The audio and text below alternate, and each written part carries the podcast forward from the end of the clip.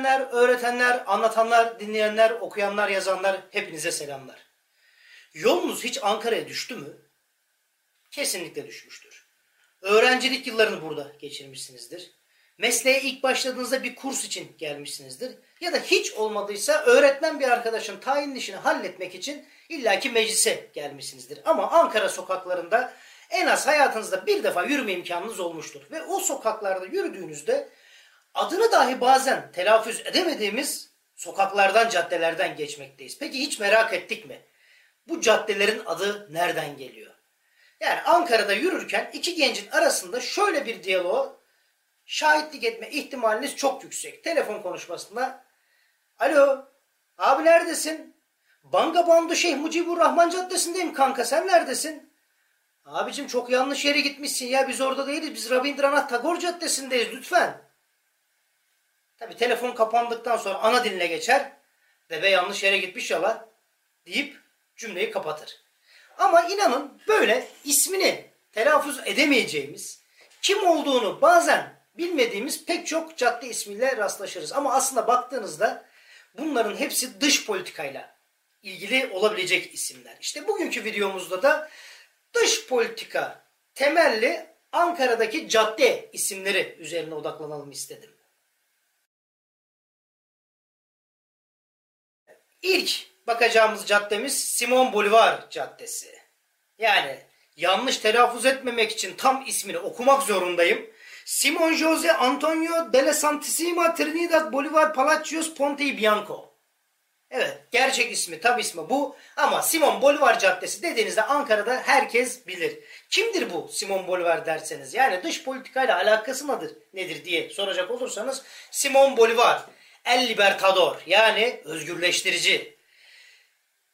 İspanya ve Portekiz'in Güney Amerika'da sömürü hareketlerinin karşısında direnen ve Güney Amerika'daki bağımsızlık hareketlerinin meşalesini ateşleyen Simon Bolivar'dır. Ve kendisi Kolombiya'nın ilk devlet başkanı ünvanını almıştır. Aslen Venezuelalıdır. İyi bir askerdir ve bütün İspanya sömürgelerine karşı, İspanya krallığına karşı isyan bayrağını açmıştır. Peru, Bolivya, Kolombiya, Venezuela'nın bağımsızlığını kazanmasında ciddi bir rol oynamıştır ve ilginç bir şekilde sırasıyla bu ülkelerin tamamında aslında devlet başkanlığı veya başbakanlık ya da cumhurbaşkanlığı görevlerini üstlenmiştir. Kendisi 1830 yılında tüberkülozdan vefat etmiştir. Charles André Joseph Maria de Gaulle yani bilinen adıyla Charles de Gaulle. Bu caddede muhakkak geçmişsinizdir. Kim diye merak ettiyseniz Fransa'da İkinci Dünya Savaşı'nda Alman işgalinden sonra bağımsızlık hareketini örgütleyen, bağımsızlık hareketini yöneten generaldir. Çok başarılı bir askerdir. Çok akıllı bir siyasetçidir. Nitekim kendisi bu özgürlük hareketini ilk olarak Londra'da örgütledikten sonra özgürlük hareketinin başına geçmiş Alman işgaline karşı direnişi başlatmıştır. Ve sonrasında Fransa tekrardan özgürlüğünü sağlayınca geçici olarak yönetimin başına gelmiştir. Ama iç işlerdeki bazı problemlerden ötürü görevi bırakmış, ayrılmıştır. Ne zamana kadar? 1958 yılına kadar. 1958 yılında tekrardan Fransa'nın başbakanı olarak geri dönmüştür ve 1959'da Cumhurbaşkanı olarak görevine devam etmiştir. Çok akıllı bir siyasetçi olduğu bilinir, çok iyi bir asker olduğu bilinir. Fransa'nın tarihe imza attığı 20. yüzyıl olaylarının pek çoğunda Charles de Gaulle imzası bulunabilir. Türk siyasetçilerin de gerçekten hayranlık duyduğu bir yöneticidir aslında. 1965 yılındaki o meşhur boş masa krizi, düzeltiyorum boş sandalye krizi. Yani Avrupa'nın ortak tarım politikasında çeşitli anlaşmazlıklardan ötürü üye devletlere sorulmadan Avrupa'nın üst organlarının kendi başına karar almasını protesto etmek amacıyla Fransız koltuğunu boş bırakaraktan boş sandalye krizine e, sebebiyet vermiştir. Bir diğer yandan Fransa'nın NATO'nun askeri kanadından ayrılması kararına imza atmıştır. Bu anlamda çok e, ilklere imza atan, biraz da marjinal görünecek kararlara imza atan bir liderdir aslında.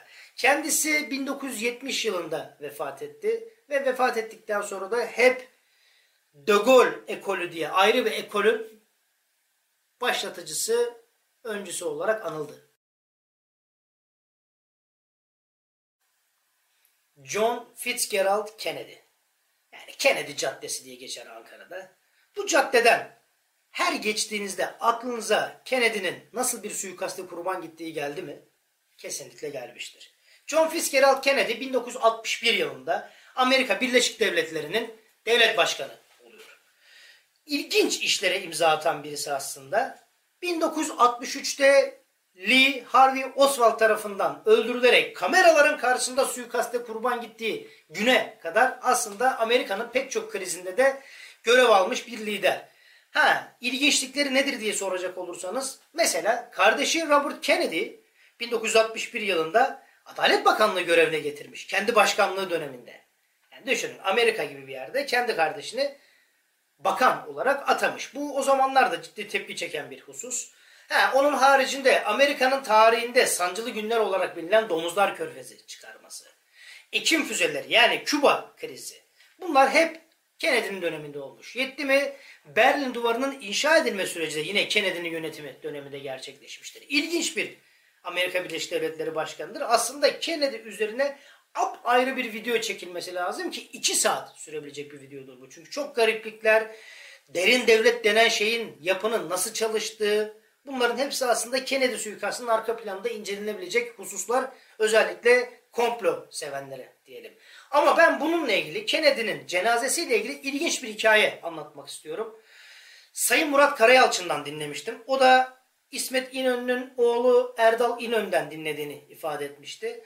Tahmin ediyorum ki hiçbir yerde yaz hiçbir yerde yazmayan bir e, hikayedir, anıdır bu.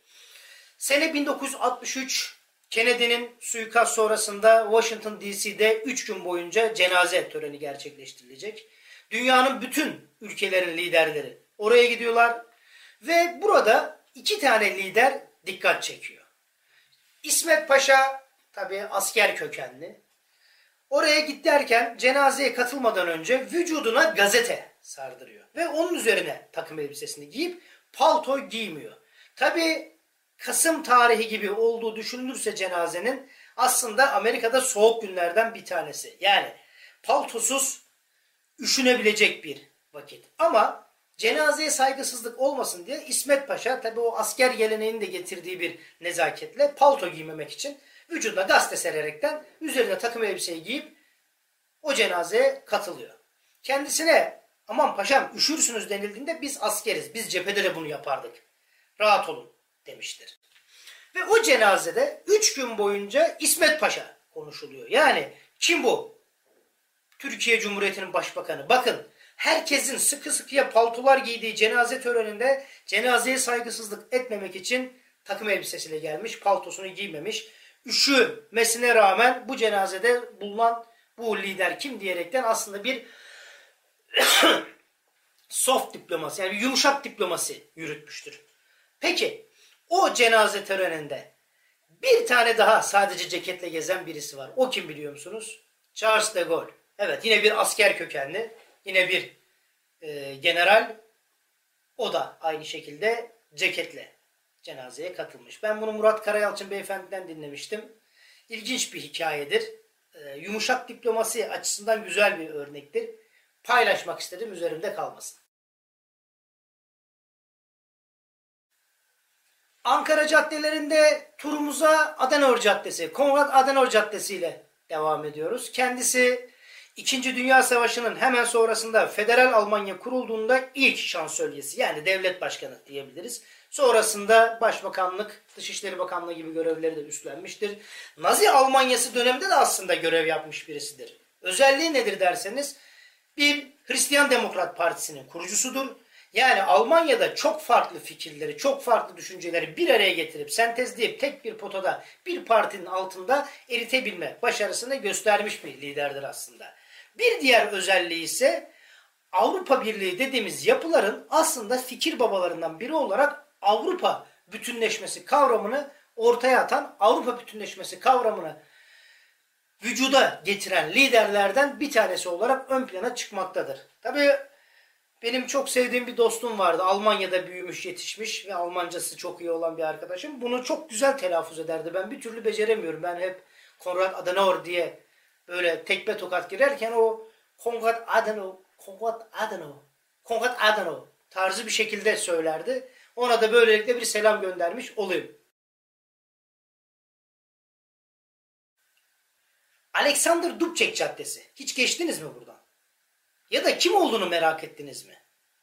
Evet o meşhur Çekoslovakya'daki Prag Baharı dediğimiz bahar var ya yani 1968 yılında meydana gelen Sovyetler Birliği'nin rejim anlayışına karşı çıkaraktan Çekoslovakya'nın kendi ayrı yolu vardır deme cesaretli gösteren ve Prag Baharı'nı başlatan lider işte Alexander Dubček'tir. Yani 1968'de kendisi Çekoslovakya Komünist e, Partisi'nin birinci sekreteri olduktan sonra bu hareketi başlatmış. Ama maalesef 1968'de başlattı bu Prag Baharı Sovyetler Birliği'nin Çekoslovakya'yı işgaliyle sonuçlanmıştır. Gayet kanlı bastırılmıştır.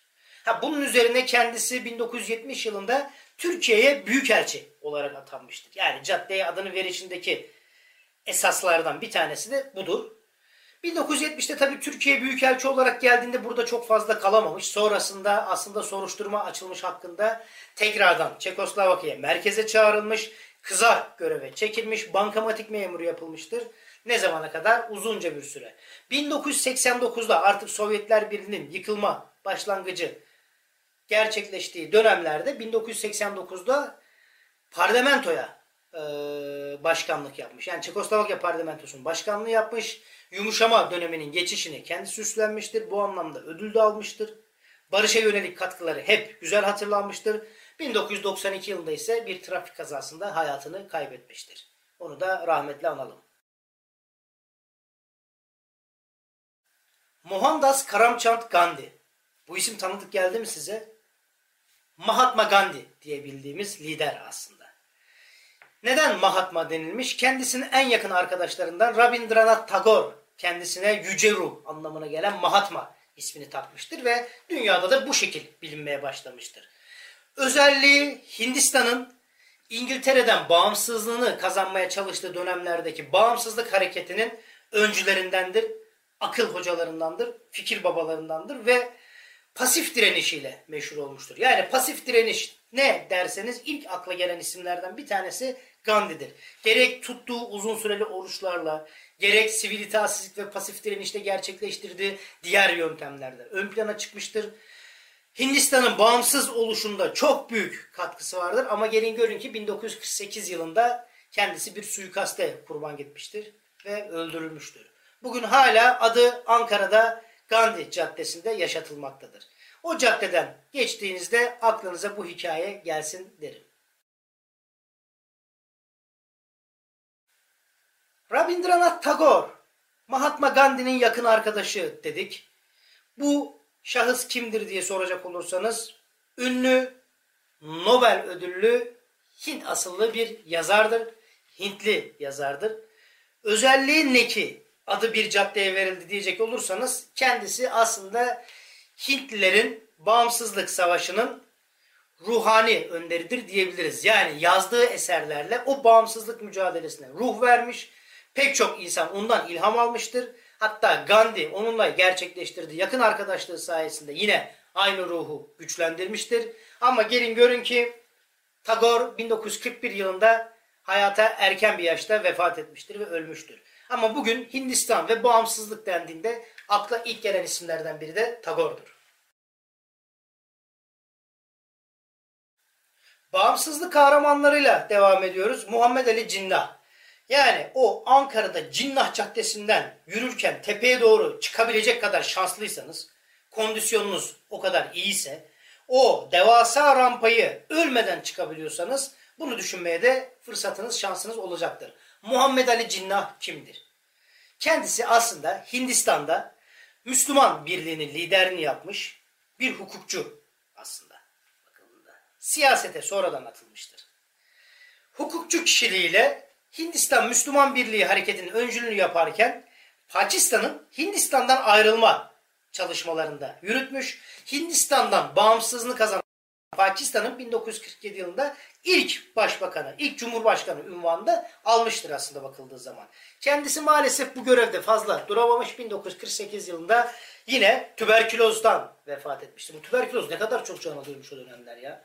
Ancak genel vali olarak da bilinen o dönemki adıyla yani Governor General diye bilinen, genel vali olarak da bilinen Pakistan'ın ilk başbakanı, ilk cumhurbaşkanı dinsiz bir sene görev yapmış ama bir seneye çok şey sığdırmıştır. Yine bir bağımsızlık kahramanı olarak hatırlanır. Evet, Banga Bandu Şeyh Mucibur Rahman. Yani o Kent Park, Cepa denilen alışveriş merkezlerinin olduğu yerden dümdüz o ana caddeden giderken bir isim görürsünüz ya bir türlü okuyamazsınız. Onu okumaya çalışırken trafik kazası geçirmeye yüz tutmuş nice insan vardır. Banga Bandu Şeyh Mucibur Rahman. Asıl adı Şeyh Mucibur Rahman. Banga Bandu ona verilmiş bir lakap, bir isimdir. Bengal'in dostu anlamına gelir. Bangladeş'in bağımsızlık mücadelesi sonrasında ilk cumhurbaşkanı olmuştur. Yani çok ilginç. Hindistan İngiltere'den bağımsızlığını kazandı. Başkanının adını cadde olarak verdik. Pakistan Hindistan'dan bağımsızlığını kazandı. Cadde ismi olarak başbakanın adını verdik. Bu kez de Bangladeş Pakistan'dan bağımsızlığını kazandı. Yani Doğu Pakistan adıyla bilinen Bangladeş 1971 yılında kendi bağımsızlığını kazandığında bu defa da Şeyh Mucibur Rahman Cumhurbaşkanlığında yeni bir devlet olarak kurulmuş ve biz de Şeyh Mucibur Rahman'ın adını cadde olarak yine Ankara'ya vermişiz. Şeyh Mucibur Rahman'ın tabi hayat hikayesi ilginçtir. Kendisi ilk cumhurbaşkanıdır. Bağımsızlık mücadelesinde aktif görev almıştır. Ama gelin görün ki 1975'te bir askeri darbe sonrasında suikaste kurban gitmiş ve öldürülmüştür.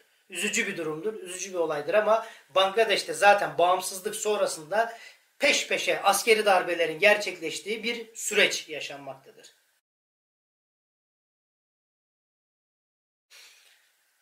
Askeri darbeler süreci ve Şeyh Mucibur Rahman'ın öldürülmesinden bahsetmiştik. Burada Ziyaur Rahman'dan bahsetmemek olmaz. Yine Ankara'daki caddelerden birine adının verildiği Ziyaur Rahman 1977 yılında Bangladeş'in Cumhurbaşkanlığı yapmış. 1981 yılında hayata veda etmiştir. Maalesef yine bir askeri darbe sürecinde bir suikast sonucunda öldürülmüştür.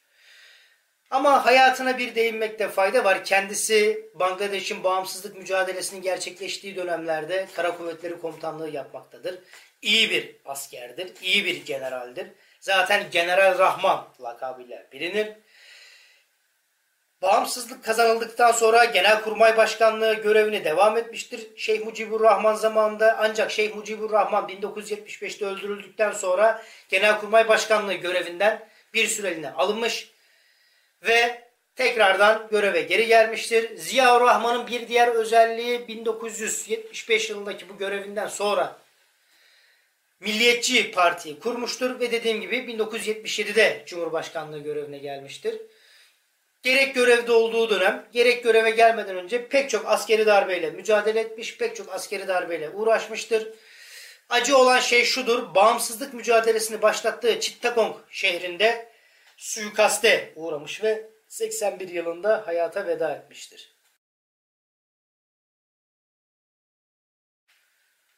Layoş Koşut Caddesi. Hiç geçtiniz mi? Ya da kim bu Layoş Koşut diye merak ettiniz mi? Macaristan'daki paralara baktığınızda üzerinde resmini görürsünüz aslında. Kim bu kahraman diye soracak olursanız 1848-1849 yıllarındaki Macar devrim hareketlerinin, özgürlük hareketlerinin başındaki lider, kahraman. Yani Macaristan'ın büyük kahramanlarından bir tanesi. Bu devrim hareketi nedir diye soracak olursanız 1815 Metternich sisteminden bahsetmiştik ya işte o Metternich sistemi sonrasında Avusturya İmparatorluğu, o zamanki adıyla Avusturya Macaristan İmparatorluğu hayatta kalabilmek için istikrarını sürdürebilmek için, statükoyu koruyabilmek için pek çok adım atmıştır. Ama bağımsızlık hareketlerinden, Fransız devriminden etkilenmiş olan Macar halkı Lajos Koşut'un önderliğinde ki Lajos Koşut kendi o zaman ilk başbakan olma ünvanını elde etmiştir ve Habsburg İmparatorluğu'na karşı bayrak açmış bağımsızlık meşalesini ateşlemiştir. Ama ve lakin Metternich çerçevesinde, Metternich sistemi kapsamında Çarlık Rusyası'nın imdada yetişmesiyle Avusturya İmparatorluğu bu hareketi bastırmıştır. İsyan diye nitelemiştir. Ve bunun üzerine Lajos Koşut 1850 yılında yurt dışına kaçmak zorunda kalmıştır. İlginç olan Türkiye açısından önemi şudur. 1850 yılında kaçtığı yer Türkiye'de Kütahya. Evet bugün Kütahya'ya giderseniz Lajos Koşut Müzesi'ni görürsünüz. Hatta Koşut adına yapılmış bir beste de mevcut diye hatırlıyorum bir şarkıcı, düzeltiyorum bir müzisyen tarafından. Lajos Koşut yaklaşık bir, bir buçuk sene kadar Türkiye'de Kütahya'da kaldıktan sonra Amerika'ya, İngiltere'ye, İtalya'ya gitmiştir. Bir daha asla aslında Macaristan'a dönememiştir. Ve 1890 yılında düzeltiyorum 1894 yılında vefat ettiği tarihe kadar bir daha Macaristan'ı görememiş ama ne zaman Macaristan'da bağımsızlık kelimesi geçse akıllara hep Lajos Koşut gelir.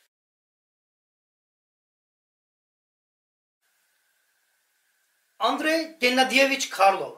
Bu ismi duydunuz mu? Karlov suikastı dersem o zaman hatırlayacaksınız. Evet Ankara'da kendisinin suikaste kurban gidişinin ardından bir caddeye adı verilmiştir.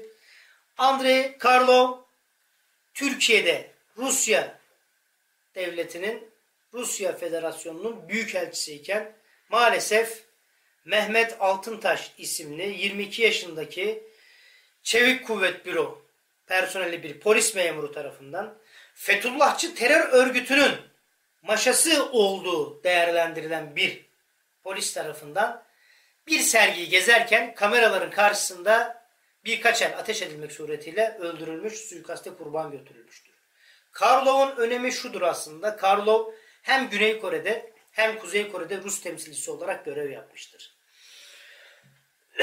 o Rus uçağını düşürdüğümüz bir hadise vardı ya bir kriz başlamıştı. O krizden hemen sonra aslında Türkiye'ye göreve getirilmiş. Ama acı bir şekilde 19 Aralık 2016 tarihinde yani uçak krizinden yaklaşık bir sene sonra kendisi bir suikaste kurban gitmiştir. Kötü bir gündü. Hala internete baktığınızda onun o öldürülme anını canlı canlı maalesef görme şansınız var. Bugün adı Karlov Caddesi olarak e, Ankara'da yaşatılmaya devam edilmektedir. Tunalı Hilmi Caddesi'nden giderken aniden ışıklarda sağa saptığınızda Abay Kunanbay Caddesi'ni görürsünüz. Peki hiç merak ettiniz mi Abay Kunanbay kimdir diye? Abay İbrahim Kunanbayoğlu diye bilinen ya da Abay İbrahim Kunanbayev diye bilinen meşhur Kazak şair, Kazak yazar. Kazak bir şairin adı neden caddeye verildi diye soracak olursanız aslında Kazakistan'da özellikle Alaş Orda hareketine yani Kazakistan'ın bağımsızlık hareketine ruh vermiş bir liderdir ve Alaş Orda grubu Kunanbay'dan esinlendiğini, Kunanbay'ın şiirlerinden esinlendiğini ve oradan ilham aldıklarını söylerler. Kunanbay hayatı 1904 yılında vefat etmiştir. Ama Ankara'ya baktığınızda Kunanbay Caddesi'nde adı hala yaşatılmaktadır. Pek çok elementi gördük, pek çok elementi tanıdık. Ankara'da yürürken pek çok cadde ismi karşınıza gelir. Saydıklarımızın haricinde bir sürü cadde vardır ama bugün sadece dış politika noktasından yani uluslararası ilişkiler dinamikleri altında hangi cadde isimlerine odaklanalım diye düşünmüştüm ve bunlar çıktı. Yoksa Tunalı Hilmi, Abdullah Cevdet daha sayabileceğiniz pek çok isim vardır. Kimisiyle ilgili iyi şeyler, kimisiyle ilgili kötü şeyler düşünebilirsiniz. Ama unutmayın bugün sadece dış politika özeline odaklandığımız için bu cadde isimleriyle bitirmek durumundayız. Beni sabırla dinlediğiniz için teşekkür ederim.